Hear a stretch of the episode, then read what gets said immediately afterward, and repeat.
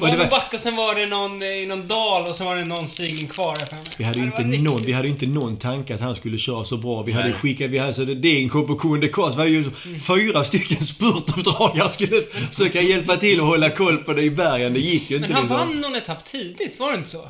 Mm. Han vann. Han vann etapp och, och sen så vann Mm. han tempot. Ja, och sen så plötsligt så blev Mm. det som att... Och sen var det typ, för, förutom Lawson Craddock så var ju Degenkorp näst bäst på att klättra i det gänget. Och då kan du räkna ut vad de andra sex gjorde.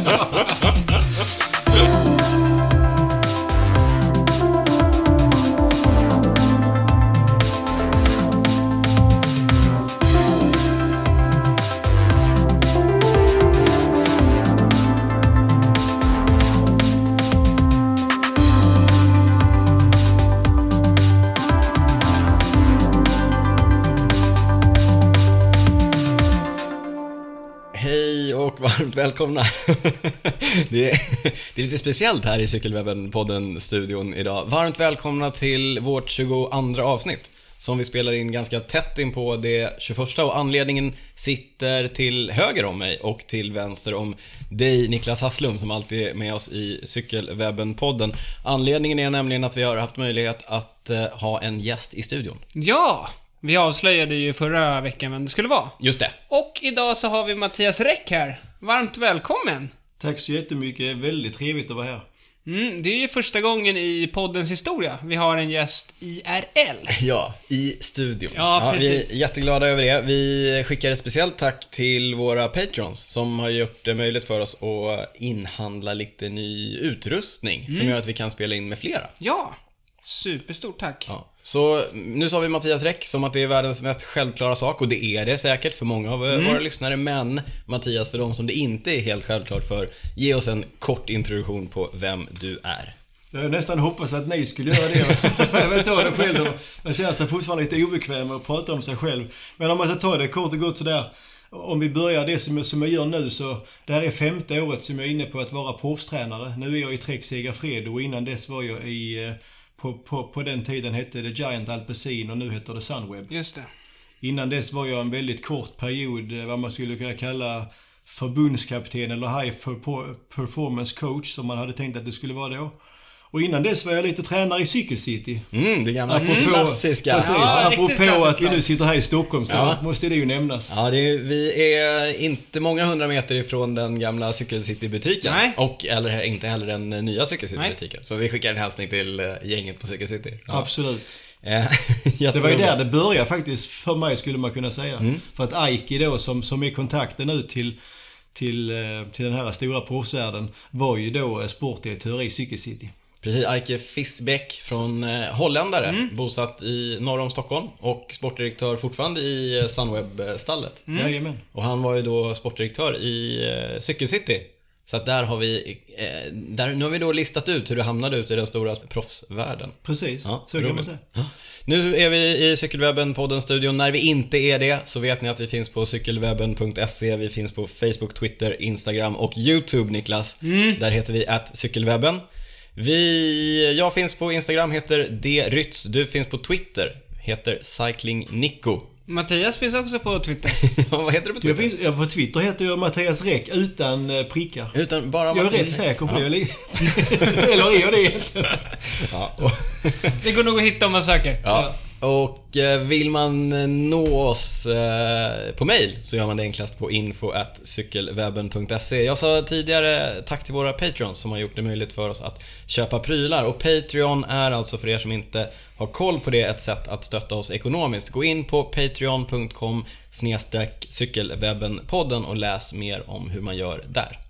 Där. Och så ger vi oss inte in på att förklara vad det är, för Nej. vi är alltid så dåliga Ja, på vi det. har försökt för många gånger. Men det blir aldrig bra.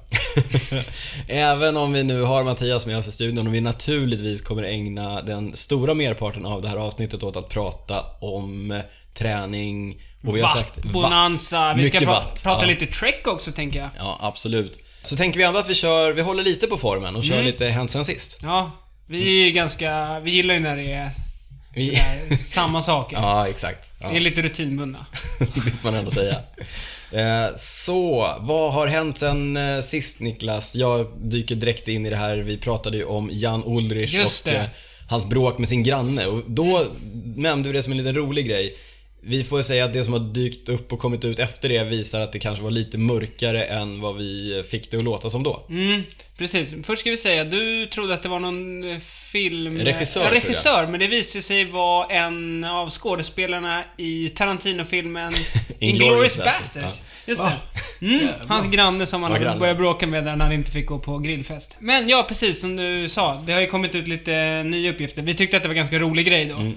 Eh, Men nu har det kommit ut i tysk media här att eh, Jan Ulrich haft eh, narkotika, alkohol och amfetaminproblem ganska länge. Mm. Och det är ju inte så roligt. Nej, han verkar må ganska dåligt, Mm. eh, den gode Jan. Men nu verkar det också som att han riskerar ett ordentligt fängelsestraff Mm. därför att han hade haft ett bråk med en eskortflicka. Vad jag förstod så hade han försökt strypa henne. Ja, det- och det var ju när han kom till Tyskland här. Mm. Ja, det är verkligen så. Jag menar, inte minst jag själv så var han en stor idol.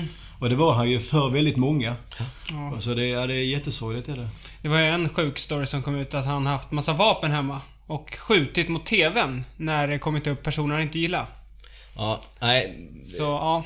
Nej, det är, tra- det är, en större, det Mm. är såklart en större fråga, det är ingenting vi kan dyka in i nu, men just det här med hur, vad händer när man lämnar rampljuset? Ja. Och i hans fall också, vad händer när man lam, lämnar, lämnar rampljuset och då kanske gör det inte på topp utan att man Ja, han, det var ju en dopinghärva kopplad till det här och, och vad hände från att ha varit liksom hyllad idol till eh, bortglömd Mm. föredetting. Det är, ja. och han var ju verkligen en riktig megastjärna näst Ja. efter Lance Armstrong. Och i Tyskland var han jättestor. Ja. Alltså efter Steffi Graf och Schumacher och sådana så var han ju otroligt stor. Och det är fortfarande väldigt hett att prata om honom naturligtvis. Så att det här kan inte vara lätt. Nej. Och, ja, men och just det här eh, Tyskland som cykelland, det är ju, nu är det ganska stort. Då, han var ju den stora stjärnan som liksom öppnade upp eh, sporten där och tog den till på TV och touren och allt det här. Det, det måste vara, det är såklart tufft. Men eh, tråkigt och tragiskt att eh, han mår som han mår. Vi hoppas naturligtvis att det ordnar upp sig. Förhoppningsvis kanske det, alltså nu att det kommer upp, att det kanske kan leda till något Mm. positivt ändå. Att Ja, han får ordning på sitt liv här. vi håller tummarna. Vi pratade om cykel förra gången och då hade herrarna inte hunnit köra. Det Nej, har det- de hunnit göra nu. Det var det enda som vi inte hade kört? Ja. Det blev ju italiensk seger. Matteo, Matteo Trentin, Trentin. i Mitchelton Scott. Ja. Men då körde han ju för Italien. Ja. Ja. Men han hade sin eh, Mitchelton-hjälm. Sin Mitchelton Ja, det hade han. skotthoj. Ja. Eh, Men, det vi tyckte var intressant där, det var ju eh, tvåan och trean. mm. V- eh, Mathieu van der Poel tvåa och eh, Wout van Aert trea. De båda cykelcross-giganterna. Ja. Som båda börjar köra landsväg nu. Ja. Det blir nästan mest eh, skriverier om det. Ja. Det var Ja. jättehäftigt. Ja, är synd om Trentin som hamnar i skuggan av, att, eh, av tvåan och trean. Men han, han är så glad ändå i och med att han kanske hade, alltså han har varit skadad jättelänge efter, Ja. efter Roubaix va? Ja, han kanske hade vurpade i våras där och missade touren och... Jag tror att det är jättemånga så, som är glada för hans skull att han vann. Mm. Men- ja, han är ju en eh, sån fix, eh, fix i klungan. Han har ju varit med länge, Trentin. Ja, Man börjar bygga på sin meritlista nu. Han Ja. tar mycket Jajamän. fina segrar. Jättefin han vann ju fyra etapper Ja, i Vueltan ja, förra, förra året, året, och ja. ja. tröjan och så, ja, han är jätteduktig. Ja. Det var väl det som var det tuffa för de andra lagen att Italien hade ju, de hade Viviani, Colbrelli och Matteo Ja. Trentin. Tre jättestarka spurtare Ja. som orkar den banan bra. Mm. Och det blev, jag pratade ju med, med en del som, var- som var, var med där och det, är som, det var ju ganska mycket attacker. Ja. Och man kan inte gå på allt men liksom, de blev utmanövrerade helt enkelt av Ja. Italien. Ja, men de, precis, för de hade någon av dem som kunde gå med i alla lägen Ja. Mm. och så sitter de alltid med bästa spurtaren i den gruppen som till slut blir. Sen kan jag tänka mig att van Avermaet och Stuyven i det här fallet då med ett sånt otroligt starkt belgiskt lag, att Ja. de liksom blir sittande där då. Ja, han kan Det- inte göra så. det- Van Aert var ju ändå lite halvkapten också, så Ja. de kunde inte liksom... Så det ja. Ja. Men kul att se det. Så var det ju med din adept där, Degenkolb. De hade ju med, vad heter han? Nico Dens där. Ja. Så tyskarna Ja. blev ju också... Men sen började de köra på slutet, tror jag. Så de Det, jag blivit- tror nog att det är ganska många som ställer sig lite frågan hur tyskarna cyklar egentligen Mm. och sådär. Och det, det är inget jag, jag eftersom jag, jag är ändå svensk. så jag ska, inte, jag ska inte ha för mycket eh, tankar om det så här offentligt. Men, men eh, det, det, det, blir, det blir rätt svårt. Ska man Ja. liksom försöka... Antingen så bestämmer man sig för att satsa på den, så då kör man inte. Eller så kör man och då kör man Ja. ja. tills man stupar. Och det verkar som det var sådär lite halvhjärtat. Så. Han vurpade väl också sen på slutet? Ja, Han det, det var ju synd det. Eh, ja. Dens är ju väldigt bra, det ska man Ja. ha klart för sig. Han är otroligt bra. Han har otro... Och att han just vurpar är lite konstigt, för han har otroligt bra teknik. Ja, det är så? Ja. Så därför så var det lite... Det såg ju såphalt ut på banan. Det Ja. var ju en superteknisk bana eh, inne i Glasgow. Mm. Ja. Ja, och, Upp och ner eh, och så regn på det. Ja. Jättemycket punkteringar, supermånga som Mm. hade problem. Sagan bröt. Han har varit lite sjuk. Ja, många som var omkull och så vidare. Sen kan man säga så här med, eh, ska man ha ett lag och köra in utbrytningar på den banan. Ja. Det är inte så att man ska inte säga för mycket heller. Varför kör inte de in det? Det är Nej. inte säkert det går. Man Nej. orkar inte. Nej. Nej, precis. Det är inte bara att Nej. köra in det. Jag har ju som sagt data från den tävlingen med. Alltså, det var ett jättehårt lopp. Ja. Det var liksom lika hårt som de tuffa klassikerna. Mm. Alltså 23 mil hårt som, ja. som... Det är helt otroligt. Man glömmer det också ibland, hur mm. långt det faktiskt var också. Så att, det, var så ja. mycket, det var så mycket svängar och så mm. de här korta backarna hela tiden. Och så då det här vädret på det med. För då måste du igång, dra igång ännu mer ju. Mm. Eh, när du inte kan åka i fart igenom. Ja. ja, men i alla fall. Stort grattis till Matteo Trentin. Var, jag såg en bild där med, han hade ju med Chimolai i utbrytning som jobbade stenhårt. Ja. Det var en mäktig bild där när Trentin höjde armarna och så såg man Chimolai i bakgrunden. bakgrunden. Ja, riktigt härlig ja. bild. Eh, glädjen där i, eh, hos Trentin när han vann. Stort. Mm. Och så kom då för oss som är lite äldre, Kazani kom där som eh, ja. förbundsledare och kramade om dem. Lite fint där va? Trevligt ja. att se. Ja, det är, jag tänkte på exakt samma sak. Ja, då vet man att man har varit med ett tag. Ja. Mm. David. David Kazani. På tal om tävlingar, det har också varit tävlingar i Sverige. I Vårgårda. Vårgårda, utan inte så långt ifrån där jag är ifrån. Det är Borås. Borås. Västergötland. Ja. Världscup. För World damerna. Tour för damerna. De har kört lagtempo och linjelopp. Mm. Ja lagtempo i ösregn. Ja, jättekul. Bara en sån sak. Det är tur det inte är jätteknixigt. Nej. Eh, vem vann eh, lagtempot Niklas? Bols Dolman ja. för eh, Sunweb och Cervelo, Bigla. Mm. Och... Eh, Linjet. Marianne Foss för eh, Kirsten Wild och Lotta Leppistö. Lotta, superduktig finsk spurtare. Mm. Och det vi ska säga, det var många svenskar... Topp tre alltid i stort ja. sett många svenska tjejer som placerade sig högt. Mm. Ja. Emilia 16 och Sara Penton 18 plats. Just det. Emilia Fallin i Wiggle High Five, Sara Penton i Team Virtu Cycling. Mm. Och deras placering säger jag kanske inte alls eh, liksom, allt heller. De, de, har kört väldigt bra. Om vi tar Emilia Fahlin, alltså vilken säsong hon har haft. Ja. Otroligt hög nivå. Jätteduktig. Det såg man ju där i Glasgow där hon hade otur sen. Ja, alltså, otrolig nivå. Kedjan där. Hela året stod det känns som hon har, att, att, hon har varit väldigt duktig. Mm. Och det var en väldigt bra tävling i sig. Offensiv och sådär. Ja, det var, ja, det var attacker det var hela tiden. Bra. Hela tiden. Och jag, tänkte, jag tänker också på eh, Sara Penton, kompis till podden. Mm. Hon kanske kan vara med som gäst här så småningom. Hon, vi får fråga. Om hon är i Stockholm. Vi får ja. be snällt. Precis. Hon rullade ju in på 18 plats efter att ha kört eh, helt och hållet för, eh, för laget. Mm. Ja. Och det är, ju, det är ju tufft på en sån bana. Det är en jättetuff bana och bara sitta med klungan hem är tufft och jobba hårt för laget under hela tävlingen och ändå rulla in på 18 plats. Det är mm. väldigt bra. De fick, vi sa ju det, vi, vi har ju haft ben, eh, bensvid i den, eh, mm. ja. på det varvet själva. Så vi pratar av egen erfarenhet hur jävla hårt det är. Ja, vi, är så, vi är så gamla jag och Mattias. Vi har hållit på så länge så vi har faktiskt kört den tävlingen. Eh, ja. Inte, inte damvärldscupen. Nej. Nej, det har ni inte. Nej, det har vi inte. Men det gick ett herr UCI-lopp där eh, för, för många år sedan. Och den är, vi kan intyga mm. att den är tuff. Det är en tuff backe. Vad heter backen? Häggrungabacken. Just det. Den är inte så tuff om man bara är ute och cyklar. Men om man kör den i tävlingsfart jättemånga gånger. Mm. Och efter, det är ju nästan en GP-aktig bana. Mm. Superteknisk, in och ut på cykelbana, ja. handlar mycket om att placera sig bra. Eh, ja, det är tufft. Att bara se den där vänstersvängen när man redan nästan har maxpuss och sen ska man ha den jävla backen framför sig och så kantvind på toppen. Ja, den, alla som har kört den vet precis. Ja, det är tufft. Eh, fler, det var flera svenskor till start. Hanna Nilsson eh, kom in på 60 plats. Sara Mustonen på 61 med eh, också till start. Eh, Sara Olsson, Klara Lundmark, Matilda Frantzisch, Emily Persson och Frida Knutsson. Eh, alla de fick tyvärr kliva av den tuffa tävlingen. Där kan man väl säga att det, det är ju väldigt bra gjort av många av dem idag för att det var nog mer eller mindre debut för några av dem. Mm på, på den nivån. nivån så. Det är ju mm. det är en otrolig nivå för det är ändå liksom världens bästa du ställs ja, verkligen när, när, när jag och Ritz kör en 1-5 där, då är det liksom fortfarande mest svenska amatörer och så kommer det lite nordiska proffs. Mm. Men här är det ju verkligen, för de här damerna ska man liksom möta men jag tror att sista, sista gången jag körde, då tror jag att Edvald Boasson Hagen vann. Edvald? Edvald, eller, eller Vasil Krienka. Edvald har vunnit. Eh, ja. Det har han gjort. Då vann han solo. Men... Gick, gick du i mål? Nej. Nej, det gjorde jag inte. Egentligen vann inte då när han var där, men det var ju Saramotis, hans lagkamrat, som vann. Just det. Ja, nej, Alexi. Ja, men de körde ju då, då körde de ju inte på, på högsta nivån. Det här är ju cyklister som vi bara kastar ur oss nu. Det är ju, de, eh, Kirienka kör ju Sky, men det här var ju när han, det var ju när han var på väg upp, så att säga. Eh, Sky var inte Ja, Sky skickade inte Nej, de var inte där och körde med. Nej, nej. Ja, men det, det, var väl, det var väl det lite grann. Vi har, du har en eh, silly season eh, Ja, jag punkt. tänker vi- att... eh, Vi har ju sagt att vi ska vänta med silly season, men ibland dyker det upp såna här roliga grejer. Ja. Och då måste vi ändå ta upp dem. Ja. Det blev ju klart idag att Nicky Terpstra Ja. går till Direct Energy. Lämnar Wolfpack. Ja, lämna Wolfpack. Ja, den såg jag inte heller. Nej, den känns jag säga. riktigt eh, Nej. märklig. Mm. Han har ju vunnit ganska mycket. Han är ju en fantastisk eh, klassikeråkare. Mm. Eh, fantastisk cyklist överlag. Det är en lite konstig transfer. De kanske har grävt djupt i fickorna där i Direct Mm. Energy. Apropå gräva i fickorna. Jag såg att eh, Quickstep letar ju en ny huvudsponsor. Mm. Men då har han, eh, vad heter han? Patrik Lefebvre. Lefebvre. Han som är Han- general manager Ja, i om de Quickstep. inte hittar någon, då funderar han på att lägga in Wolfpack. Wolfpack, Nej. jo, i namnet. Ja, Wolfpack är alltså det smeknamnet Ja, de som, som Quickstep-cyklisterna har gett sig själva. Deras hashtag. Ja. hashtag, hashtag Wolfpack. Eh, men en annan... Det är Eh, mer som ett hockeylag i den. De skickar in första femman. ja, precis. En annan eh, silly season-nyhet.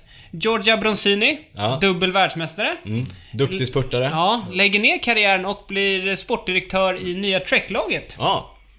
Vi Det är tittar på. Mattias direkt här. Ja, men det, det är bra. Det kan, ni- det kan jag gärna få göra. Jag har inte vetat om detta jättelänge heller. Men jag vet ändå att, eh, att de har fått en ganska rejäl budget. Och de har liksom tänkt sig att de från start ska liksom få ett lag som är som Sunweb och, Ja. och, och Bull Stålman och sådär. Så att nu väntar vi bara på fler signeringar. Det kommer fler alltså? Ja, det kommer fler. Ja.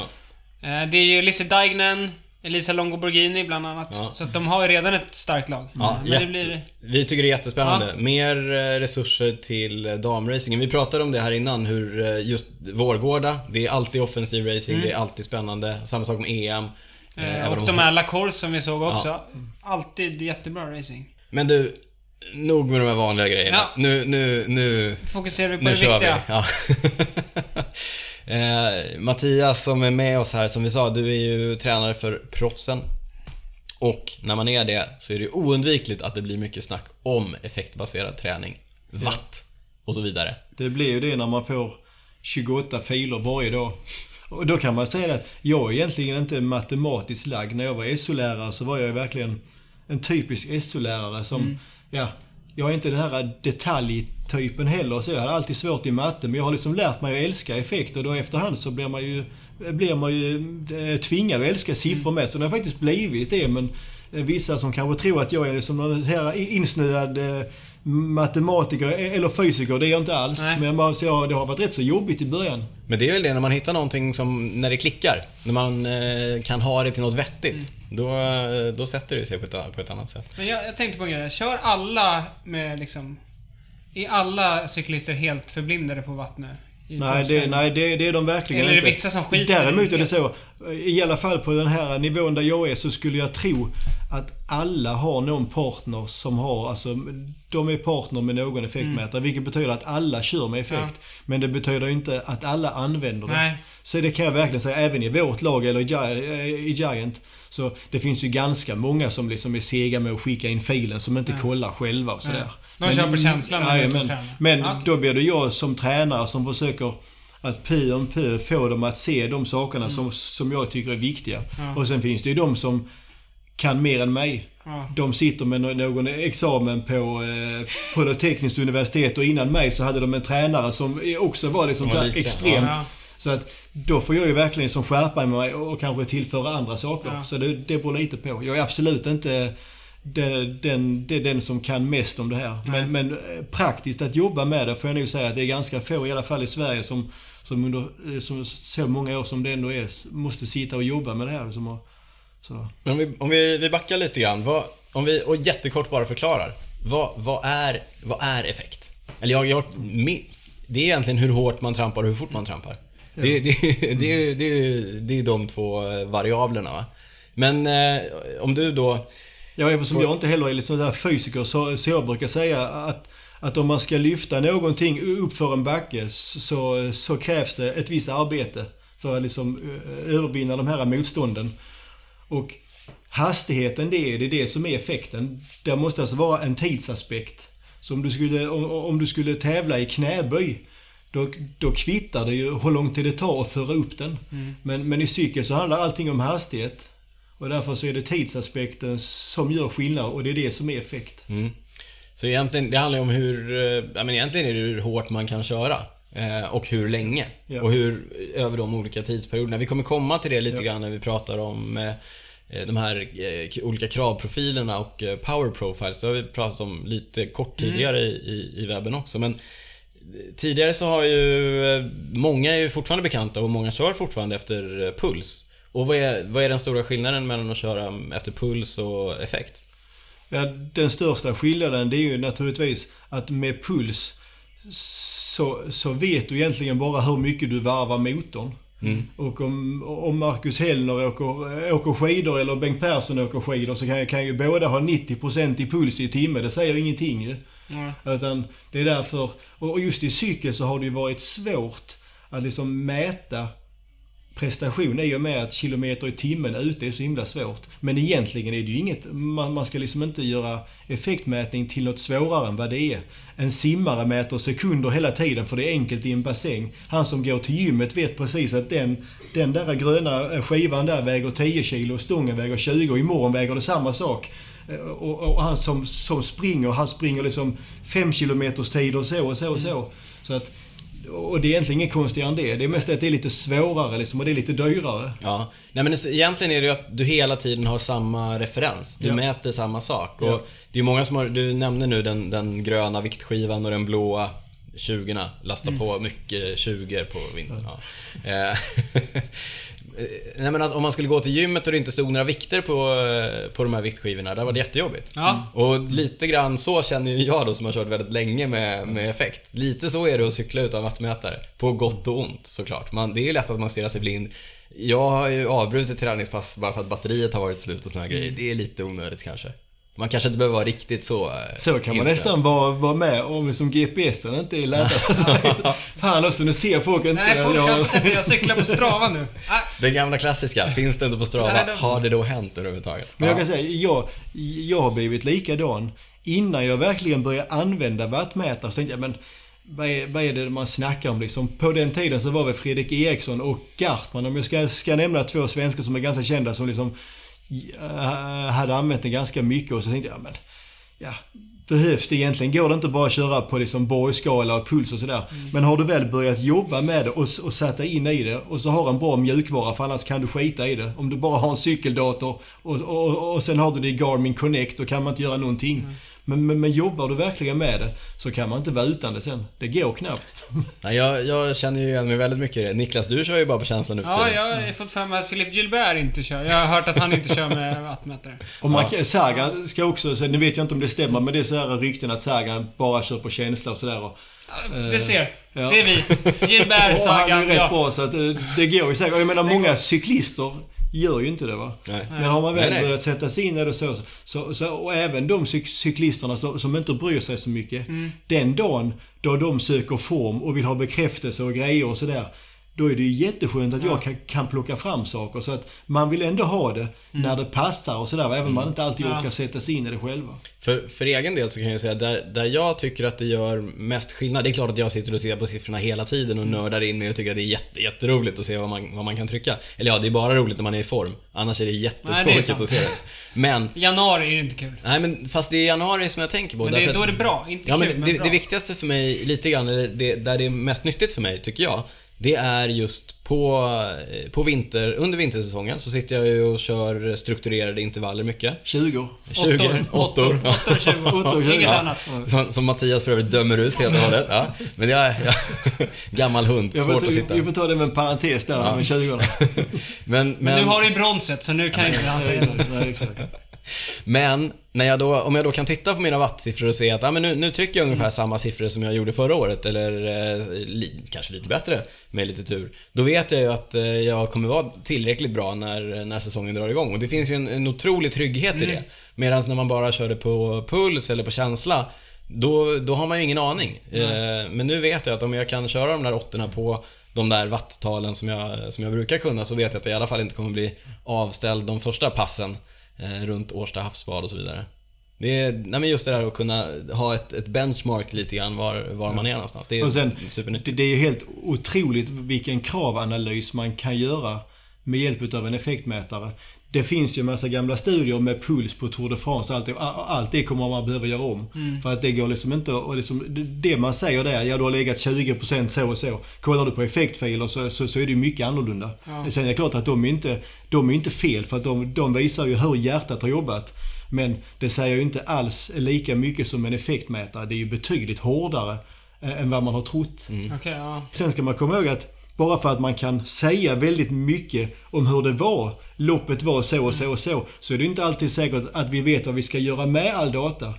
Det är fortfarande så att det är så jävla mycket data om man börjar prata om big data och vad kan man göra och räkna ut grejer och så. Men det är fortfarande väldigt mycket som inte man vet. Bara för att jag kan se precis att för att hänga med sista gången i Paterberg i Flanner runt så ska du ha liksom 700 watt med 82 kadens sittande. Så betyder inte det att jag ska gå ut och träna nu speciellt ofta just 82 kadens 700 watt efter fem och en halv timme.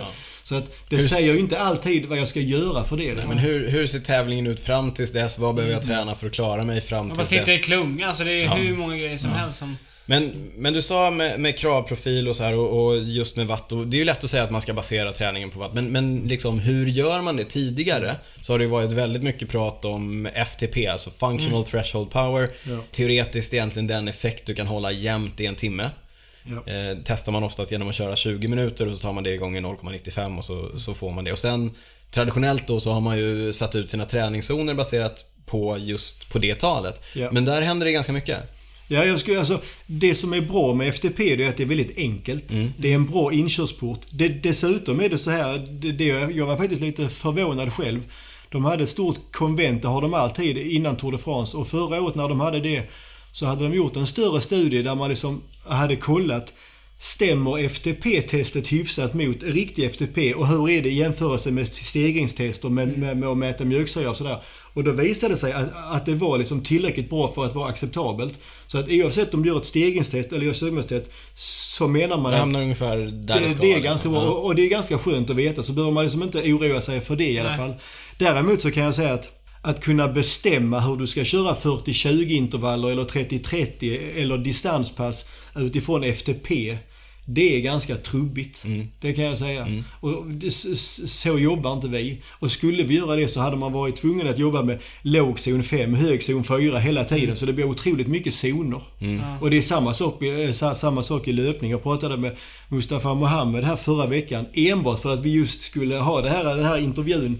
Och då frågade jag honom, för jag hade liksom hört så här att ja men ni gör väl också så att ni liksom det är ganska exakt att ni springer liksom 2.45 till, till 2.50 tempo och sådär. Och, och precis så gör de också. Alltså de gör på samma sätt som vi gör. Vi, vi kollar upp. Nu ska jag liksom försöka pricka in intervaller på min peak på två minuter. Och så vet jag att peak två minuter det är 600 watt. Och så Ja. bygger man upp 30-30 intervaller utifrån de 600 watten. Skulle vi gå på FTP där, det, det slår väldigt fel. Och då kommer man liksom inte riktigt åt det man vill. Eh, En annan sak som jag också kommer att tänka på är när det gäller de här zonindelningarna. Oavsett hur man delar upp dem. Så är det så att det är otroligt stort spann. Kanske inte för en motionär med FTP på 240, då blir inte spannet jättestort. Men om du har en FTP på 350 eller 400, då är det som en zon 80 watt. Och om jag som tränare ska göra mitt jobb så kan inte jag bara säga åk ut och kör distans i zon 2. För det kan ju vara allt från 200 till 300 watt. Så om jag har liksom en tanke, då- måste man göra det mycket mer precis. Och det är samma sak, eh, tröskel. Det kan vara 360 till 420. Och har jag en tanke, alltså i, ibland kan man självklart bara säga åka ut och kör spontant zon 3-4. Men de gångerna jag verkligen vill precisera, då måste man börja hålla på med liksom eh, låga och höga zon, zon 3, 4 och 5. För annars så, annars så vet de inte vad, vad jag vill. Och då träffar du inte rätt. Precis, då träffar man inte rätt. Nej, det blir inte rätt. Du stressar inte rätt eh, saker i kroppen. Ja, exakt. Och det kan ju bli otroligt tröttande. Det är klart att proffs som ska köra distans och vet hur man kör distans behöver inte jag säga. Kom hem med snitt ungefär på 220. Nej. Det, det gör han automatiskt. Men, men yngre cyklister, eller om du, du är ny, så måste man vara ganska tydlig. Jag För tänker också kan att det ger en trygghet. Alltså, det, visst, det är klart att det är jätte, jätteviktigt att ligga, att ligga på 220 och inte på 230. Nej, kanske inte 220. Nej, men... men- Men, men, eh, så de inte kommer hem med 260 i snitt hela tiden. Ja. För det finns ju sådana gnetar som liksom tränar allting i zon 3 istället för zon Ja, 2. liksom. mellanmjölksträningen. Ja. Det gillar man ju ändå. Ja, Ut och grisa. Jag stack, ut, jag stack ut i morse och skulle köra... Vi ska ju köra 13 Hills i helgen jag och Niklas i, i Jönköping. Det är inte en tävling. Eh, men, Men vi har vunnit den. vi har vunnit den. Eh, och då stack jag ut i morse för jag tänkte att jag måste ju hålla igång benen lite grann. Tänkte att jag skulle köra en åtta, en sexa. Mattias avfärdade direkt. Vad håller du på med? Skakar på huvudet Eh, här. och tänkte så här, jag kör dem på 300 watt. Det är... Båda? Ja, båda. Vad var tanken med det? Jag vet inte riktigt får vad du stå tanken till var. svars här Men, men kom hem, hade kört båda på 330. För jag är en gnetare, gillar att ta i, gillar att bli trött tydligen. Ja. Eh, Du såg inte det? Du kollade inte på Jo, det är mätaren? klart jag kollade på mätaren och så tänkte jag så här, ah, lite till. Jag är stark idag. Jag är så stark idag. Men helt fel alltså. Både att jag körde sex, en sexa och en åtta och att jag körde för hårt. Jag säger ingenting, men det är trevligt att höra ni håller på att gnabba på varandra som ett så gammalt strävsamt par. Det är skönt att han tycker att han ska ut och liksom hålla igång benen. Jag har inte rört cykeln på en månad. Det kommer bli jobbigt för mig att knuffa dig upp för alla de här 13 backarna. Men jag är tunn nu. Ja, men det är väl lätt. Ja. Så här på det, här, det här är då med träningszoner. Ibland, det finns ju de som förespråkar att man, man behöver bara 3-4 zoner. Ja, det kanske man kan ibland, vid några få pass. Eller om man inte bryr sig så mycket. Eller om man är nybörjare. Gå ut och kör hårt på en tisdag och så kör du lugnt på en lördag. Det håller jag med om. Eller om du ska sammanfatta ett år. Hur mycket har du legat i olika zoner? Då, då kan man också naturligtvis baka ihop det lite mer. Men, men de passen som, som ska vara precisa. Då räcker det knappt med åtta zoner heller. Som är det som är det senaste nu, att man har åtta. Ett tag var det fem, sen var det sju, nu är det åtta. Och de behöver man verkligen när man verkligen ska Ja, precisera så med, med, med, Ja. med en wattmätare. Det är bara att ta som ett exempel. En person som har en tröskel på Låt oss säga 300 watt. Då kanske hans VO2 max och maxpuls kommer på 330-340. Men sen kan han spurta på 1200. Och det skulle betyda egentligen, om du tar en traditionell zon, då, då skulle liksom allt anaerobt arbete från säga 360-370 watt upp till 1200 watt vara en enda zon. Ja. Och där får man börja säga kanske, du kanske måste ha låg, medel och hög, Ja, alltså anaeroba. Det blir ja, Så det, det, blir, det blir otroligt... Eh, det blir otroligt brett. Ja, för men, det- men pulsklocka kan, kan du inte ens mäta detta så då fanns ju inte ens det bekymret. Nej, nej. men, men, men wattmätare kommer de fram. Och anledningen till att man inte kunde mäta det var att pulsen inte hänger med helt enkelt. Det det är ett för stort tidssläp när du tar i så mycket. För att om du Precis. Eh, gör en maxspurt på 20 sekunder, då hinner ju hjärtat knappt förstå vad det är som Ja, händer. exakt. Det händer ingenting. Men kör ni FTP-test? Nej. Nej. Vi gjorde det faktiskt i Giant. Ja. Och då körde vi alltid i januari ett 20 minuters test. Mm. Och där jobbade vi faktiskt ändå lite både och. Både med de här zonerna, men det, det blev väldigt mycket låg och hög och sådär Mm. hela tiden. Och det, och det kan jag säga med, det är många som tänker så här att ja, oh, liksom, formen den varierar mycket och, och det kan det göra för vissa. Men, men bland proffsen, när, de har, när man kommer till mitten på januari, då körde de mer eller mindre nästan det bästa de Mm. Ja. kunde på 20 minuter. Och sen ändrade sig inte det speciellt mycket.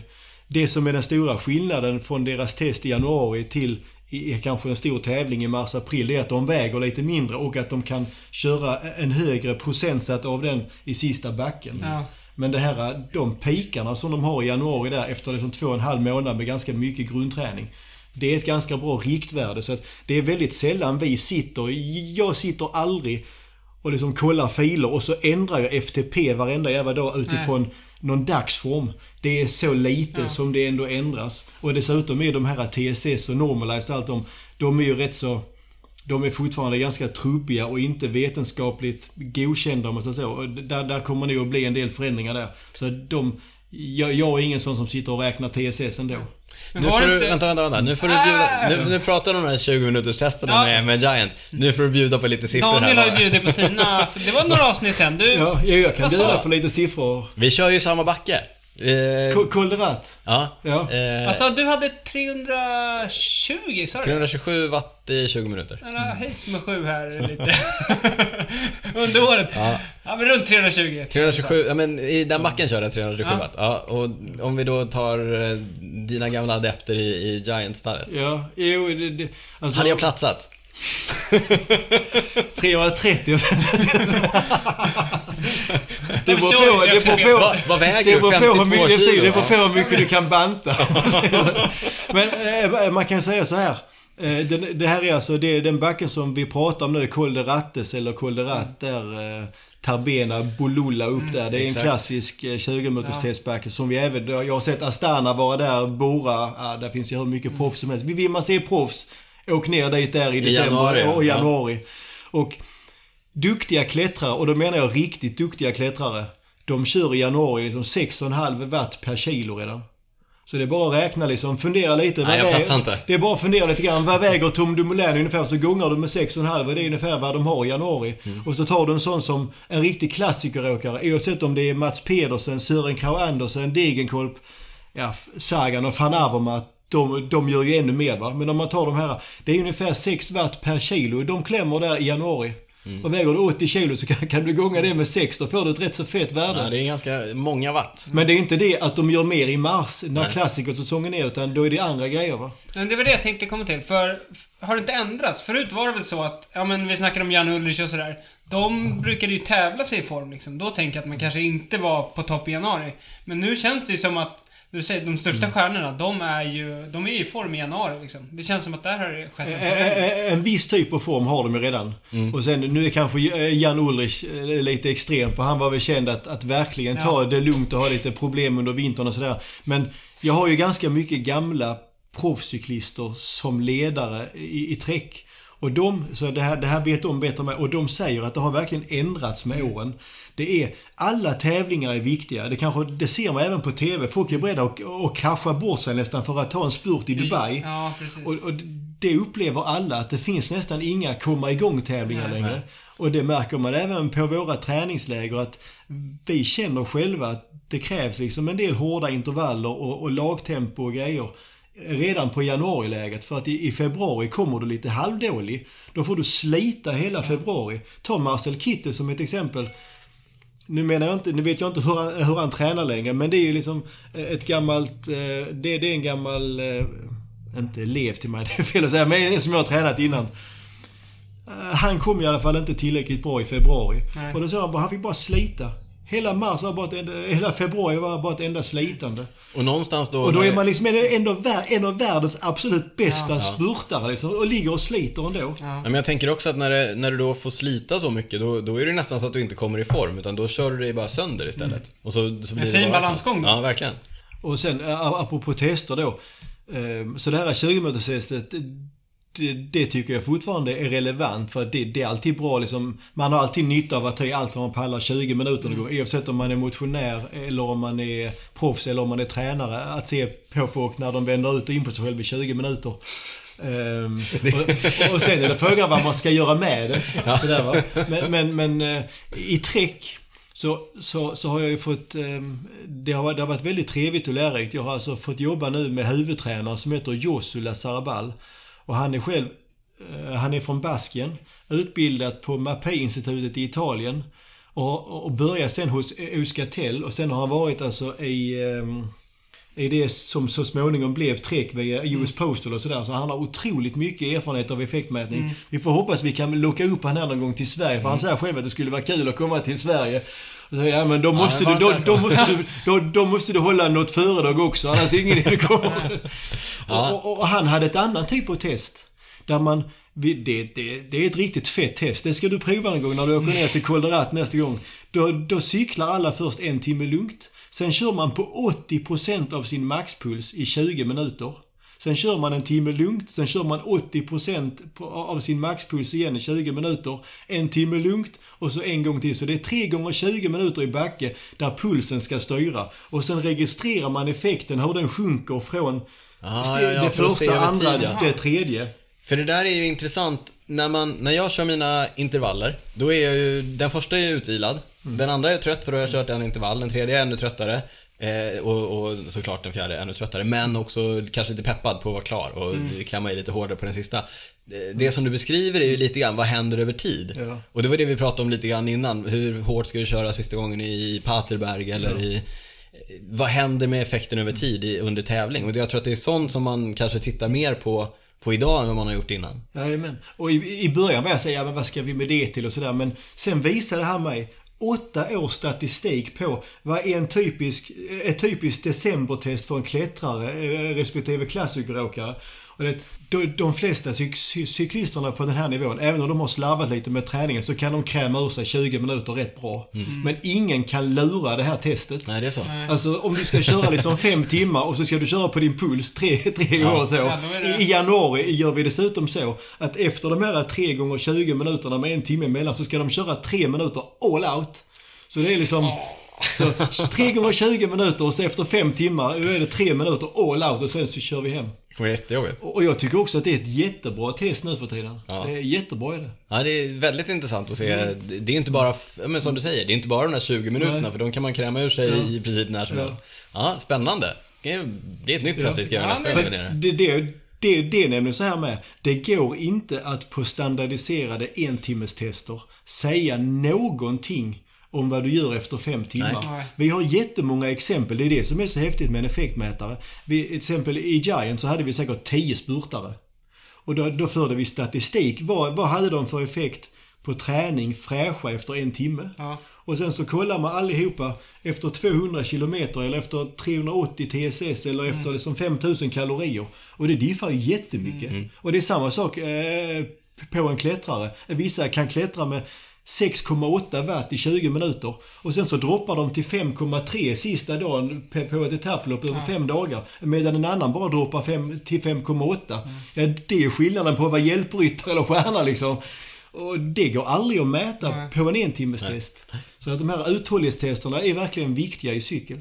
För det, jag, brukar, jag brukar ju säga det när man körde riktigt långa eh, träningspass så kände jag mig alltid eh, jag kände mig alltid relativt bättre timmar, liksom, eh, timmen mellan 5 och 6 eller timmen mellan 4 och 5 än vad jag gjorde de första timmarna. Så jag tänkte att det är grymt bra. Jag kommer ju vara fantastiskt bra i finalerna på alla de här tävlingarna som jag kör. På alla våra klassiker. Men så var de svenska amatörtävlingarna bara 12 mil. Ja, ja men det, det, dels, det, är det. dels det, men sen så åkte jag ju av för tidigt också. Jag åkte ja, av innan. Ja, ja, det är precis. Det är en balansgång det där. Att det är ingen idé att man tränar för att klara Paterberg efter sex timmar i Sverige och man flyger av innan liksom så här. Men nu, så, nu då börjar vi liksom toucha det som jag vill, eh, som nästa grej som jag tänkte att vi skulle prata lite grann om. Mm.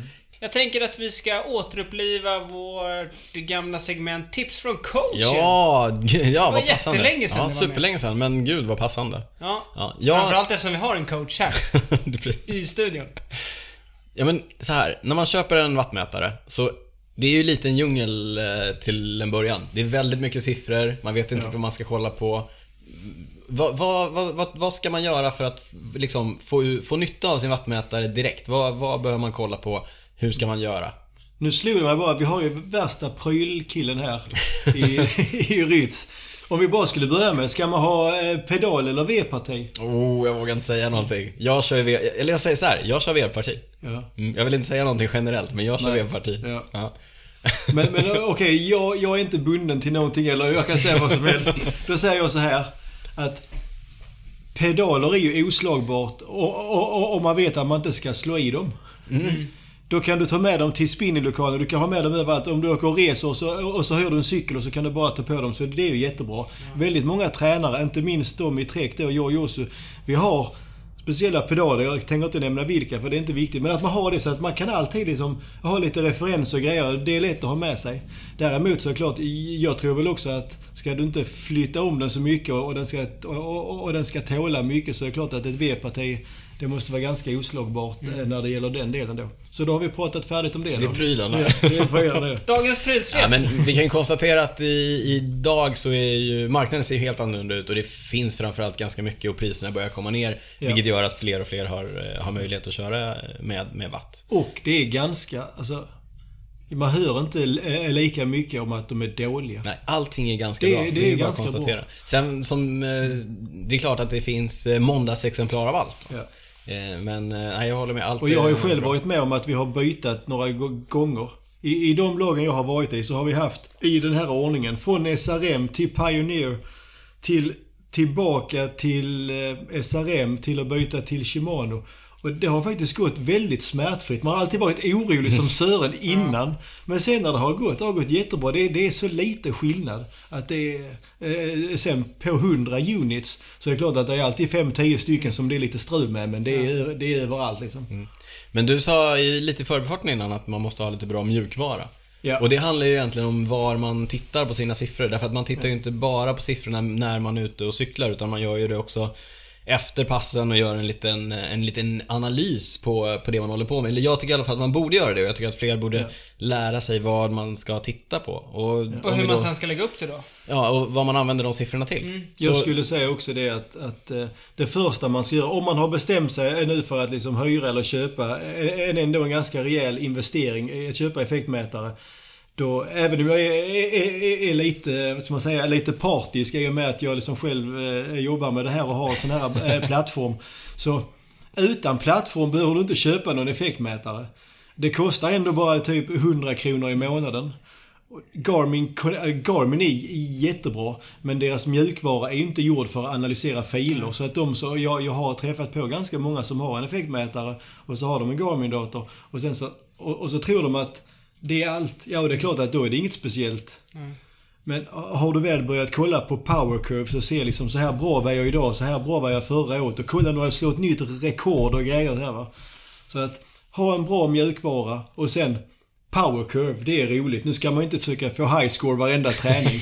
men det är ett väldigt pedagogiskt enkelt sätt att ibland gå ut och försöka slå sig själv. Ja. Inte bara att strava, för det kan ju bero på medvind och allt möjligt va. Men gå ut och slå sig själv i en backe lite då och då eller sådär. Det är jättebra. Du nämner power curve och jag får erkänna att jag, det är möjligt att man eh, liksom efter varje pass så kommer man hem och så tänker man så här. Ja men jag körde rätt hårt där och det Ja, bör ha hur tagit... många minuter var det? Det tog ungefär så här långt och så går man in och kollar. Eh, Kort förklarat, powercurven visar ju din effekt över olika tidsenheter. Alltså din... Det är en din, graf helt det är, en, det är en graf som visar din högsta effekt från eh, en sekund till eh, liksom så långt som, eh, som passet var. Eh, snitteffekten alltså över, över varje tidsenhet. Precis. Det är lite knepigt att Så på förklara. sju minuter låg det som högst så och sen Ja. så kan du...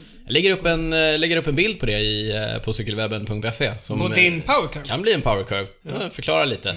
Eh, Kan, vi kan... eh, Kanske kan få någon Kanske kan-. Det, det, det, Kan vi jämföra? Det kan ju vara bra att säga att man samlar så ihop liksom din bästa en sekund, din bästa fem sekund, din bästa fem minuter, 20 minuter, upp till tre timmar om du vill. Du kan ta ännu mer.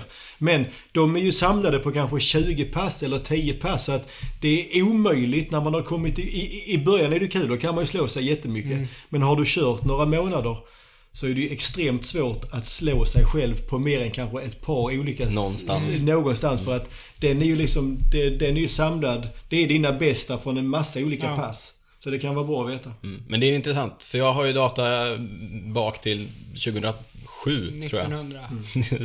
Eh, där jag kan jämföra. Det är, det är faktiskt roligt om man gillar att hålla på. Sen får man säga, det är väldigt, det är väldigt intressant att bara se skillnaden på puls och effekt. Jag tror att ganska många, jag har ju till exempel eh, skrivit eh, träningsprogram för Friskis och Svettis. Det heter Giro 4. Och på en del av de här anläggningarna så har de även effektmätare. på spinningcyklarna. På spinningcyklarna. Och då har jag, i den här gruppen för ledare då som vi sitter tillsammans, så har jag visat ett bra spinningpass och ett som är mindre bra. Det är samma pass inom samma vecka. Men där, där ser man en, en person som har liksom bara tänkt på att jaga upp pulsen så högt som möjligt direkt. Vilket har fått effekt, effekt att effekten bara sjunker genom hela passet. Så när de skulle köra som hårdast så är de som tröttast. Ja. Men pulsen är hög. Ja. Och då tror de att, men vilket bra pass. Pulsen är jättehög va. Och sen så har vi ett annat där de har liksom gjort helt rätt. Pulsen är på rätt ställe hela tiden. Effekten går upp där den ska. Och så har de fått ett jättebra pass. Som definitivt inte har varit lika mycket kräkkänsla heller. Så att jag tror att som nybörjare tycker man ju det är ganska kul att se skillnad på puls och effekt. Och börja jämföra det. Men du, nu får, du får chansen här då att- pusha din, eh, din plattform. ju Guided. Heroes. Ja. Guided Heroes har, där är naturligtvis att jag har den fördelen att i Trek Fredo, i Dimension Data och i Sky inte minst, så har vi en plattform av en ny uppstickare från Australien som heter Today's Plan. Och vi har en specialbyggd då via Guided Heroes som jag kan liksom bestämma lite över. Så att jag skulle nog säga att det är den, det är den bästa och mest pedagogiska Den plattformen absolut som bästa. finns. Absolut bästa. Guided Heroes var variant av, to, av Today's Plan. Jag eh, kan intyga, eftersom jag har testat den här lite i eh, våras. Sjukt mycket data, men eh, det, är- Ja. jätteroligt. Så att det, jag kan, vi kan tipsa om det. Vi kan också tipsa om att om man går in och signar upp på Guided Heroes och använder rabattkoden. Cykelwebben. Vad händer då? Kan man stava det på mer än ett sätt? Nej, man men vi, vi lägger Ja. upp det i inlägget. Ja. Eller Då- kan kan man ju. Vad händer då Mattias? Då får man 25% på alla våra olika månadsabonnemang i tre månader. Den här plattformen, den är gratis första månaden oavsett vad. Mm. Så det, det kan vara bra att veta. Den kostar annars bara 99 kronor i månaden och eh, det är alltid gratis testperiod. Härligt. Vi, Snyggt. vi lägger upp en liten blänkare på cykelwebben.se. Kan man gå in och läsa och sen såklart gå in på guidedheroes.se. SE. Så finns det mer information där. Du, eh, vi får alltid frågor Mattias om vilka är de bästa intervallpassen? Och jag vet att du är trött på frågan, jag vet att det inte finns något rakt svar på frågan, men nu, du får välja ett. Och Det- då får du beskriva de intervallerna. Hur ska man köra? Och, Och vad kör proffsen? och vad kör proffsen? Ja. Ja. Det här blir en ganska så, så traditionell konservativt svar då i och med att jag nu lever i proffsvärlden och där är ju, så det, det, det får bli kort och gott 40-20 intervaller. Men 40-20 intervallerna i två olika varianter skulle jag säga. Varför just 40-20 är så himla bra, det är lite svårt att säga. Det kanske ska vara 35-25 istället. Det är ingen som Berätta vet. nu, vad är 40-20 för oss som inte vet? 40-20 är helt enkelt att man, man kör i 40 sekunder och vilar i 20. Och eh, första gången som jag läste eller hörde talas om detta, jag, jag tror det är i... Eh, vems bok kan det vara? Ja, det handlar i alla fall om den här italienska tränaren Cassini som nämner 40-20 intervaller som kördes redan på, på 90-talet och säkert långt innan dess med. Men jag har aldrig sett några studier på den. Så jag kan liksom inte säga att 40-20 det är det bästa för VO2 Max eller så här. Det har jag ingen aning om. Men nästan alla proffs kör 40-20 och man kör det ganska mycket. Och det finns två varianter. Antingen så kör man dem jävligt hårt. Och då kör man kanske i 6-8 minuter. I kanske block om 3-4. Eller så kör man dem långa. Det betyder 2 gånger 20, 3 gånger 15, 4 gånger 12. Och då kan man ju inte köra lika hårt. Nej. Och om ni vill veta vad hårt det är. Om vi nu tar Daniel Rytz som ett exempel. Med en FTP på 315 kanske? 315. Det har sjunkit under... Nej! Du får ju ta det gånger 0,95 Ja. Niklas. Ja, just det. Har man då som Rytz här i fallet då eh, 310-315 i FTP. Så när man kör Kolderat som tar den 20 minuter. Om man skulle köra den som 40-20, den kan man dessutom köra på tung växel ibland. Det är jävligt gött när man har bra ben och köra styrkeintervaller som 40-20. Men passa knäna bara. Ja. Det är inte den första intervallen ni ska prova på. Det gäller att pricka in den dagen då när man har bra ben. Då kan han troligtvis ligga på uppemot 360-380 watt hela vägen utan att tycka det är jättejobbigt. Alltså i eh, arbetsintervallerna, i 40... I, i den här arbetsintervallen då. Jag brukar aldrig äh, räkna snitt för det är så Nej. olika hur det är när man liksom ska slå av. Och sen den andra när man kör då 6-8 minuter. Då finns det nästan ingen hejd. Alltså, då är det, det, det, det, är det, är bara, in. det är bara 400 plus. Och så är det bara att köra. Det är där du ska börja räkna. Vad väger du? Mm. Och så gångar du med 8. Nej, gångar med 7. Men det är det du gör väl? Ja, ja, ja. ja, Ja, ja. gånger med 7. Ja. Och så bara köra på. Och, Ja. och, och, och den här kortare, det är naturligtvis när man ska förbereda sig för tuffa klassiker. Och om man vill skruva till det extra mycket så kör vi dem som, som 30-30 istället. Och Så att- blir det kanske 5 minuter istället för det är rätt jobbigt att köra 8 minuter 30-30 på 8 watt per kilo. Det gör de inte. Så att, men, men principen är ganska enkel. Du går, egentligen går du all in i 40 sekunder. Ja. Vi, vi, eller 40-30. Eh, vilar 20 sekunder. All in 40, vilar 20 och så håller du på så i 5 till... Eh, 5-8 minuter ungefär sådär om man ska köra, köra riktigt hårt. Men spelar det någon roll då om man frihjular eller ska man, man ska ändå trampa eller?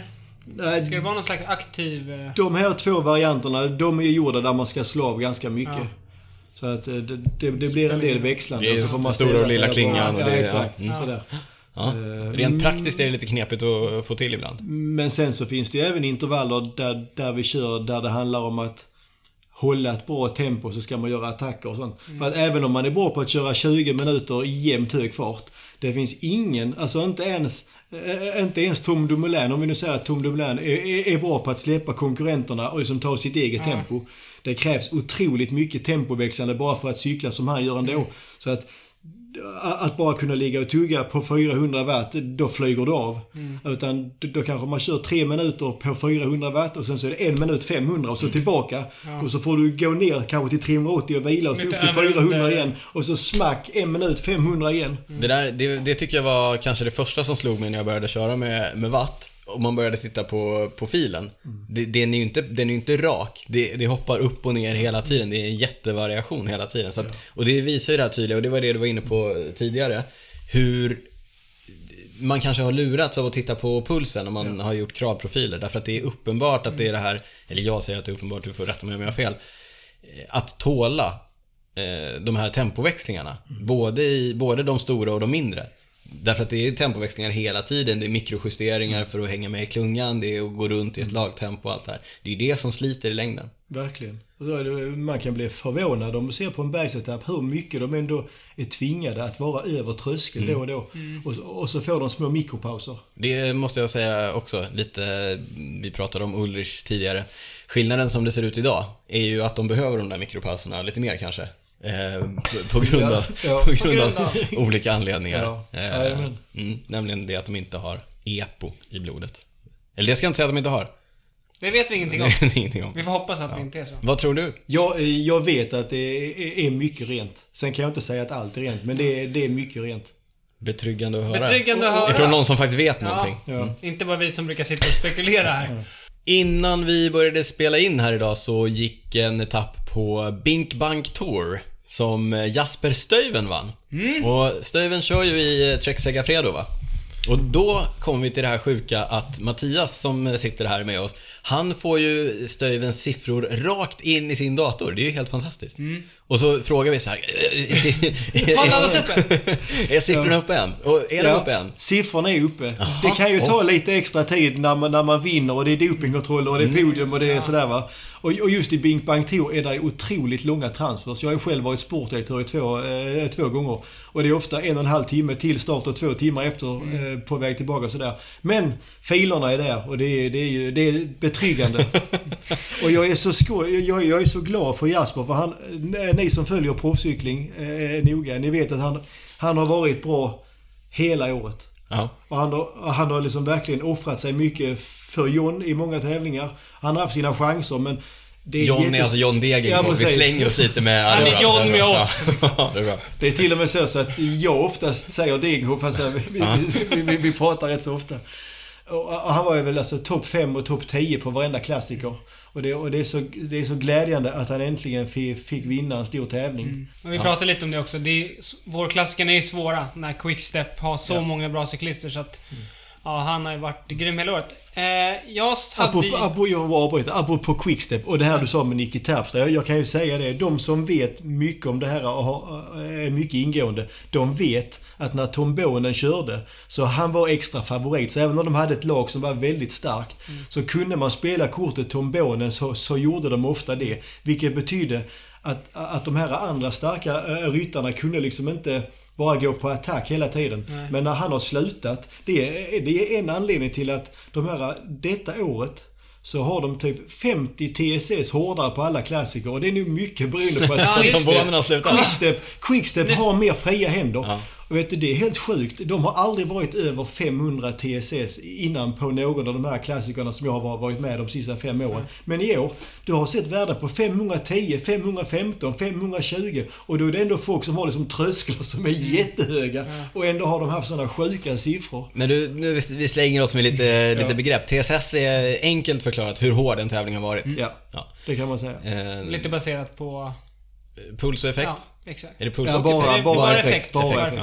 Ja. Bara effekt. Eh, Men eh, jag hade ju tidigare, vi har ju en punkt som heter vad man inte kunde släppa. Mm. Och jag hade ju för några veckor sedan eh, John Degenkolbs eh, Paris-Roubaix, eller Roubaix-seger. Alltså Roubaix-etappen på touren. Han har Exakt. ju vunnit Paris-Roubaix också, men nu Ja, har vann han var den så år kallade. Paris-Roubaix-etappen. Det var på några touren. år sedan. Ja. Det var stämt några år sedan. 2015. Och sen så hade han ju den här olyckan 2016. Mm. Då var du med va? Ja, jag, Ja. jag var i bil. Jag, jag hade blivit uppe, uppehållen i, i byn bakom så jag kom kanske sådär en, två minuter Mm. efter. Och sen har jag haft, det, det kan jag säga, eh, många vill ju föra tillbaka väldigt, väldigt mycket till just den, den olyckan. Men konditionsmässigt och, och effektmässigt så var han minst li- lika bra året efter, alltså 2017 när, när han kunde vara tillbaka och tävla. Men sen har han haft så mycket annat med. Det har varit förkylningar och knäont och grejer vid precis fel tillfällen hela tiden. Så att, att han liksom brister ut i, i gråt där. det, det beror inte bara på den här bilolyckan utan det är så otroligt mycket. Han fick avbryta Vueltan. Ja. Eh, Innan Flandern runt då 2017 så, så, eh, så, så blev han också lite förkyld men körde Flandern runt ändå och, och lyckades ju bli sjua men han var inte på sin topp. Sen kom man liksom aldrig riktigt tillbaka till Roubaix och sen får man lite mer press på sig. Man kommer till Trek. Man är jävligt bra form i San Remo, Gent Wevelgem så här, men det lyckas inte riktigt. Sen är ju Contador med på touren, då får du klara dig själv. Och sen blir du sjuk i, i, Spanien runt och så blir det inget VM i bergen. Och sen i år, sjuk i Paris-Nice. Ja, då är, då är, då är det och, och, Om du ligger hemma med feber och penicillin när de andra, på Milano San Remo, då kan jag läsa att då är klassikersäsongen ganska tuff Ja. att, ja, att genomföra. Och sen så kraschade han när vi rekade på Paris-Roubaix. Så efter Roubaix fick han vila fyra veckor. Uff. Så på Schweiz runt, de första etapperna, då höll han nästan på att fly av. Ja. Och att ändå liksom då få till det här så att det har varit, det har varit rätt tufft. Även om inte man tänker på det så. Så när, det väl, när han vinner så blir man ju... Ja, det är klart. Ja. Det, var ju en, det var ju tydligt att det var en, det var en stor lättnad liksom. Även Ja. om det var glädje men också just det här och så här, pff, äntligen. Men det var väl första segern på nästan Ja. två år va? Det var, ja, ja, han har bara vunnit små grejer. Så Ja. det här är definitivt den första stora segern Ja. på väldigt länge. Och så, han var ju som kalasform den dagen med. Så det var, det, det var, där är kanske sju, åtta man som är jättebra den dagen. Kanske tio. Som kan köra om segern. Ja. Och sen är det lite lotteri. Men, men, så det var, det var så gött att han fick det för han har varit tvåa jag vet inte hur många gånger. Så här, va? Ja, härligt. Och grattis! Det är ju- Ja, stort grattis! tack så Både mycket. till dig och till eh, John. Man satt Absolut. där hemma och, och, och började gråta med det. Ja, vad så, härligt. så blir det, men det är härligt. Det är kanske så att du har lite siffror från, eh, från den etappen som vi kanske kan få höra. Detta är ju en del av jobbet med. Så fort han har gått i mål där och vunnit så var det någon nere från Today's Plan, det är ju ett australiensiskt företag, som tar och hör av sig och frågar liksom kan vi visa upp den här filen Ja, och så vidare. Och då har vi avtal med det och grejer och så vill vi ändå att cyklisten själv ska känna. Men i slutändan blev det så här. Det var... Han...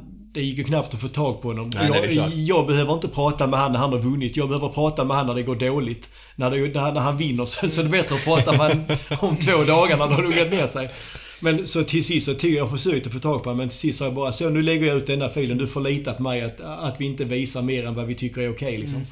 Och då var det väl någon sån här snitt 25% eh, som var över tröskel. Och så 625.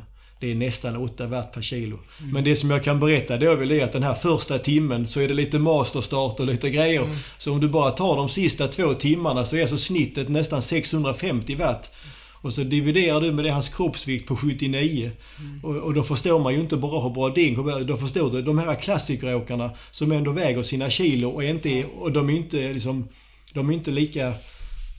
I, i, I alla fall i Sverige så vet ju folk mest vem eh, Tom Dumoulin och Chris Froome är och sådär. Men de här endagarsspecialisterna, de har så otrolig nivå med. Oavsett om det är Kristoff eller Edvard Boasen Hagen eller van. Så här, det, är, det är helt sjuka siffror.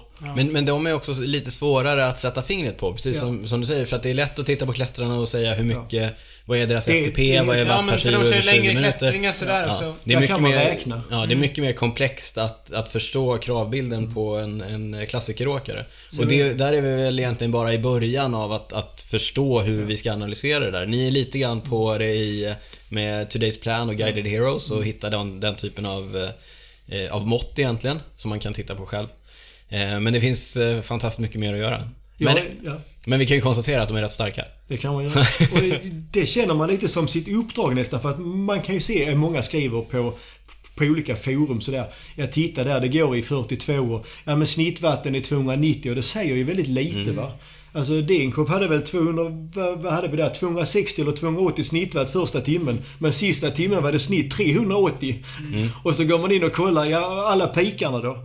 Och då får man fram liksom att, att det är så. Det är lite svårare och därför är det rätt så, så skoj att kunna visa sånt. Och om jag bara ska ta något, något annat som kanske är trevligt. Jag, han brukar inte vilja dela ut sina e- exakta spurtvärden och sånt. Men om jag bara tar, det florerar ganska mycket rykten vad en spurtare kan klämma. Men då kan jag bara ta för att det här är inte hemligt. Eh, Kittel sa det själv i en intervju. Kittel som ändå väger 90 kilo och är den absolut bästa spurtaren just för tillfället om han är i kalasform. Han har aldrig pikat mer än en eller två sekunder 2000 watt. Så om ni tror att någon kan dra 10 sekunder 2000 watt så är det fel liksom. Och det gäller även träning liksom. Ja, det här är när han är Ja. fräsch. Mm. Eh, Ja. De flesta spurtarna väger inte så mycket som honom. Utan då kanske man pratar om liksom 14-1500 watt i 5-10 se se sekunder. Men det som är mest unikt med en spurtare, det är att om ni tittar på de första etapperna. Ta Alexander Kristoff som exempel. Han är liksom, eh, han är otroligt bra. Ett, alltså extremt stark kondition och allting. Mm. Norsk, den här Europamästartröjan, ja. den, den är ju lätt att se med. Titta på hans ansiktsuttryck på de här företapperna. Han är helt slut när han ska dra igång. Han är så alltså, trött. Om du kollar filer. Hjälmen är på sned och... Det är hans signum. Ja. Hjälmen på sned. Det som krävs för att vara spurtare på den här nivån, det är att du mer eller mindre ska fixa en minut i olika pikar med en snittwatt på kanske 700-800 watt, nästan maxpuls och sen ska du dra igång en spurt på 12, 13, 15 sekunder och ändå försöka få det som 1500 i snitt. Och det är det som är så himla tufft. Mm. Ibland kan det, jag vet själv när jag tävlade och så kommer Junken eller Glenn hem. Och så vinner inte de Marcus Ljungqvist. Ja, Marcus Ljungqvist. Eller Glenn Magnusson. Alltså, duktiga spurtare som är proffs. Och så kommer de hem och så, och så tänker man, vad fan, varför vinner han inte spurten på det GP-loppet då? Mm. Ja, men det, ibland kan de till och med tappa det där sista lilla mm. Men det finns ju ingen annan än de som skulle orka att ligga i 60 liksom sista 20 minuterna och sen har de 600 watt i en minut i pikar på över 1000 fem gånger och sen kan de klappa till med en spurt liksom. Men det där, det där vet jag ju att just när man tittar på wattsiffror och man tränar och man har sin SRM och man tycker att man är rätt bra liksom och så här, ja, haft rätt hyggliga värden på 5 sekunder och så här. Men just det här att, att också göra det efter fyra timmar på tävling och efter den där sista milen när det har gått eh, stenhårt och man ska försöka hitta, man ska placera sig under tiden.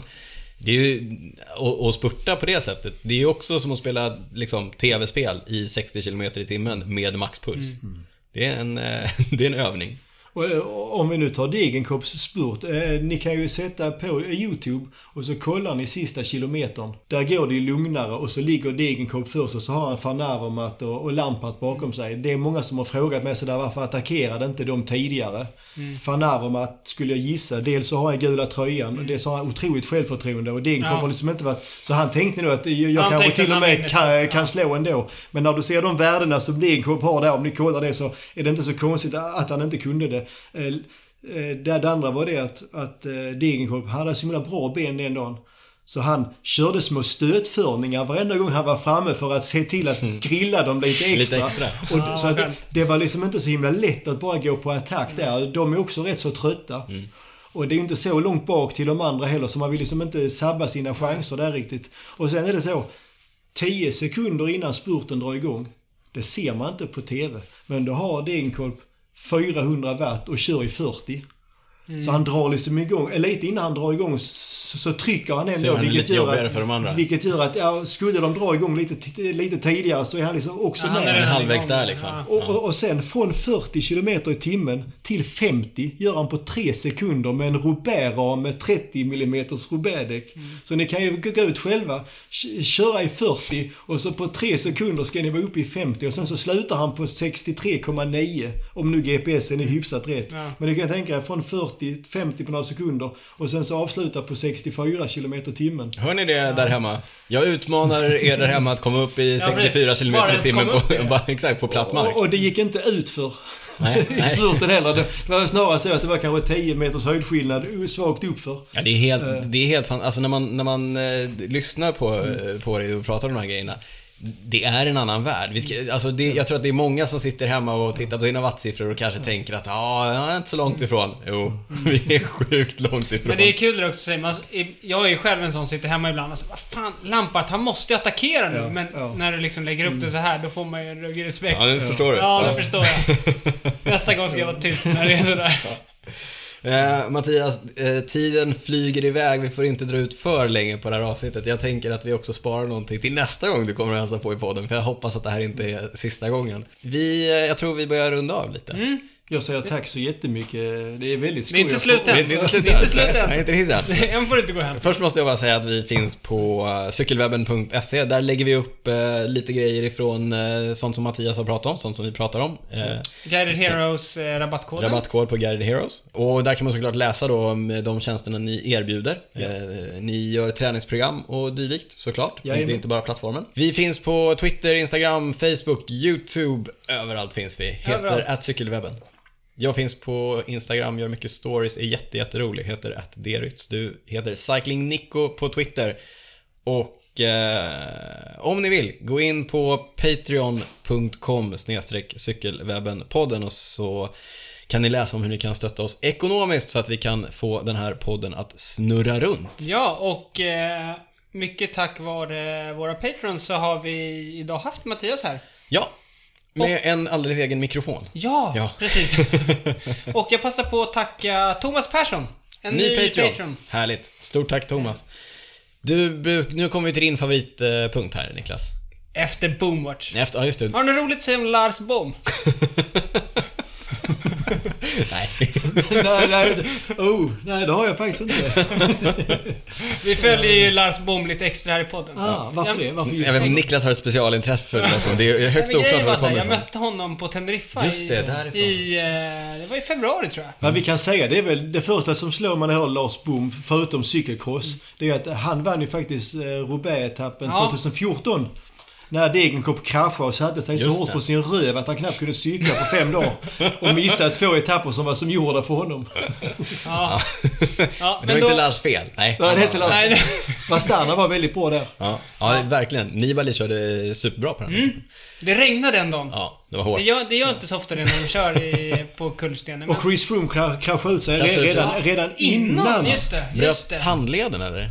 Ja, det var något sånt va? Ja. Låt det vara osagt. Men eh, Nibali vann det året. Du Eh. Niklas, vad har du inte kunnat släppa? Jag eh, återkopplar lite till Bink Bank Tour Mm. Eh, och apropå skadade cyklister, det vi snackade om att Degenkolb var skadad och sådär. Igår vann Taco van der Horn. Ja, Han måste ha det namn. bästa namn. namnet, eller? Vilket namn? Och du, du hade tippat honom på något sätt eller? Sådär, Ja, var det så, honom, ja, eller? han gjorde jättebra resultat förra året. Sen såg jag att han var i utbrytning. Mm. Så sa jag det, håll koll på honom. Men sen vann ju han från utbrytningen. Men han har ju... Han gjorde jättebra förra året. Mm. Han slog eh, Wout van Aert någon tävling förra året. Eh, Men han eh, åkte på någon hjärnskakning i, Mm. i vintras, så han har inte tävlat i år. Så han gjorde sin första tävling nu. Och då är tillbaka och vinner. Det tyckte jag var rätt häftigt. Verkligen, för det, det är ingen lätt tävling Bing Bang Tour alltså. Nej. Men utbrytningen höll undan och han spelade sina kort helt rätt sista tre kilometrarna. Stort grattis Taktisk till... eh, uppläsning. Tack... Taco... Gå. i- ta, ja, stort grattis till Taco. Inte Anders Svensson, utan the real Taco. Ja, rejält. Tack och van der Horn. Hoppas vi får se honom i World Tour. Med det namnet så vill man ju bara snacka om honom. Daniel, du körde lite cliffhanger förra avsnittet. Ja, jag körde en cliffhanger förra avsnittet. Jag har googlat en grej här och nu ska ni få höra jag inte har kunnat släppa. Det är bara 13 år sedan det här hände. Eh, 13 och ett halvt år sedan kanske. 2005. Eh, Östgötaslätten. Linköping. Det klassiska, den klassiska säsongsöppnaren, Östgötaloppet. Jag tror faktiskt att det var mitt andra eller tredje år som jag tävlade. Likt Nordiska mästerskapen som jag kom trea i eh, förra veckan. Jag vet inte om vi har pratat om det tillräckligt mycket. Jag tror vi kan ha nämnt det faktiskt. Ja, vi kan ha nämnt det. Ja. Är det CK Valhall-kläder? Det är CK Valarkläder, absolut. Jag körde i eh, seniorklass. Attackerade. Från start? Nej, inte från start, utan när vi kom in, man kör ju ett, långt, ett stort varv och sen kommer man in på de små varven. Ja. Första gången, när vi kom in på de små varven, attackerade jag ensam. Körde ett varv ensam. Sen fick jag sällskap av eh, Tom Wieselblad eh, från eh, Sundsvall. Han heter. Saipaka då, han heter Wieselblad nu. Tempohästen. Eh, Då Tempohästen. blir han glad när vi... Ja. så Tom kom ikapp tillsammans med eh, Kristoffer Lidvall i, från Allingsås. Mm. Vi tre eh, körde på där några varv. Och jag eh, tyckte ju att, jag visste ju att jag är ju spurtstark va. Du hade Eh, bra ben också, Hade, hade bra ben, ja, spurtstark eh, sådär. Eh, tänkte att det här tar jag. Eh, så. Eh, gjorde jag inte det, utan jag drog igång lite för sent. Så att jag förlorade med en däcksbredd ungefär. Eh, jag var ju väldigt tidigt i min cykelkarriär så att eh, grämde mig över det. Och på riktigt. Har, Har du grämt dig i 13 och ett halvt år? Du har inte kunnat släppa det. Nej, nu tänker jag inte på det så ofta. Men det gnager Det ändå. gnager där. lite. Ja, nej men så här, på tal om grejer man inte har kunnat släppa. Eh, hade jag dragit igång liksom, vi pratade om när man drar igång, så här, vad man är bra på. Jag visste ju inte riktigt. Jag visste att jag var rätt okej på att spurta, men jag visste inte så här, eh, är jag bra på långspurta, kortspurta när jag ska dra igång? Timingen och det där. Eh, hade jag dragit igång lite tidigare hade jag klippt det där. Vad Eh, satt du i gruppen? Vi var tre pers, jag vet Ja men inte. var du längst fram? Nej, det Ja, kommer jag kom- faktiskt inte ihåg. Jag tänkte om du kunde kört lite degenkolv-taktiken. Ja, nej. Ligga med 400 watt i 40 Ja, Och bara- liksom- Ja, jag var inte, jag var inte riktigt bara så... kontrollera bara. Exakt, Ja, jag har full exakt. Men, men, jag var inte riktigt så slipad som Degenkolv var riktigt än. Eh, Men, det ska ju sägas att nu har jag släppt det. Men eh, jag grävde mig ganska länge över den där andra platsen. Men stort grattis till eh, Tom som tog hem den. Grattis i efterskott! Ja, stort grattis. Ja, jag sa att jag skulle bjuda på en gammal eh, cliffhanger. Nu bjöd jag på den. Mattias, har du någonting du inte har kunnat släppa?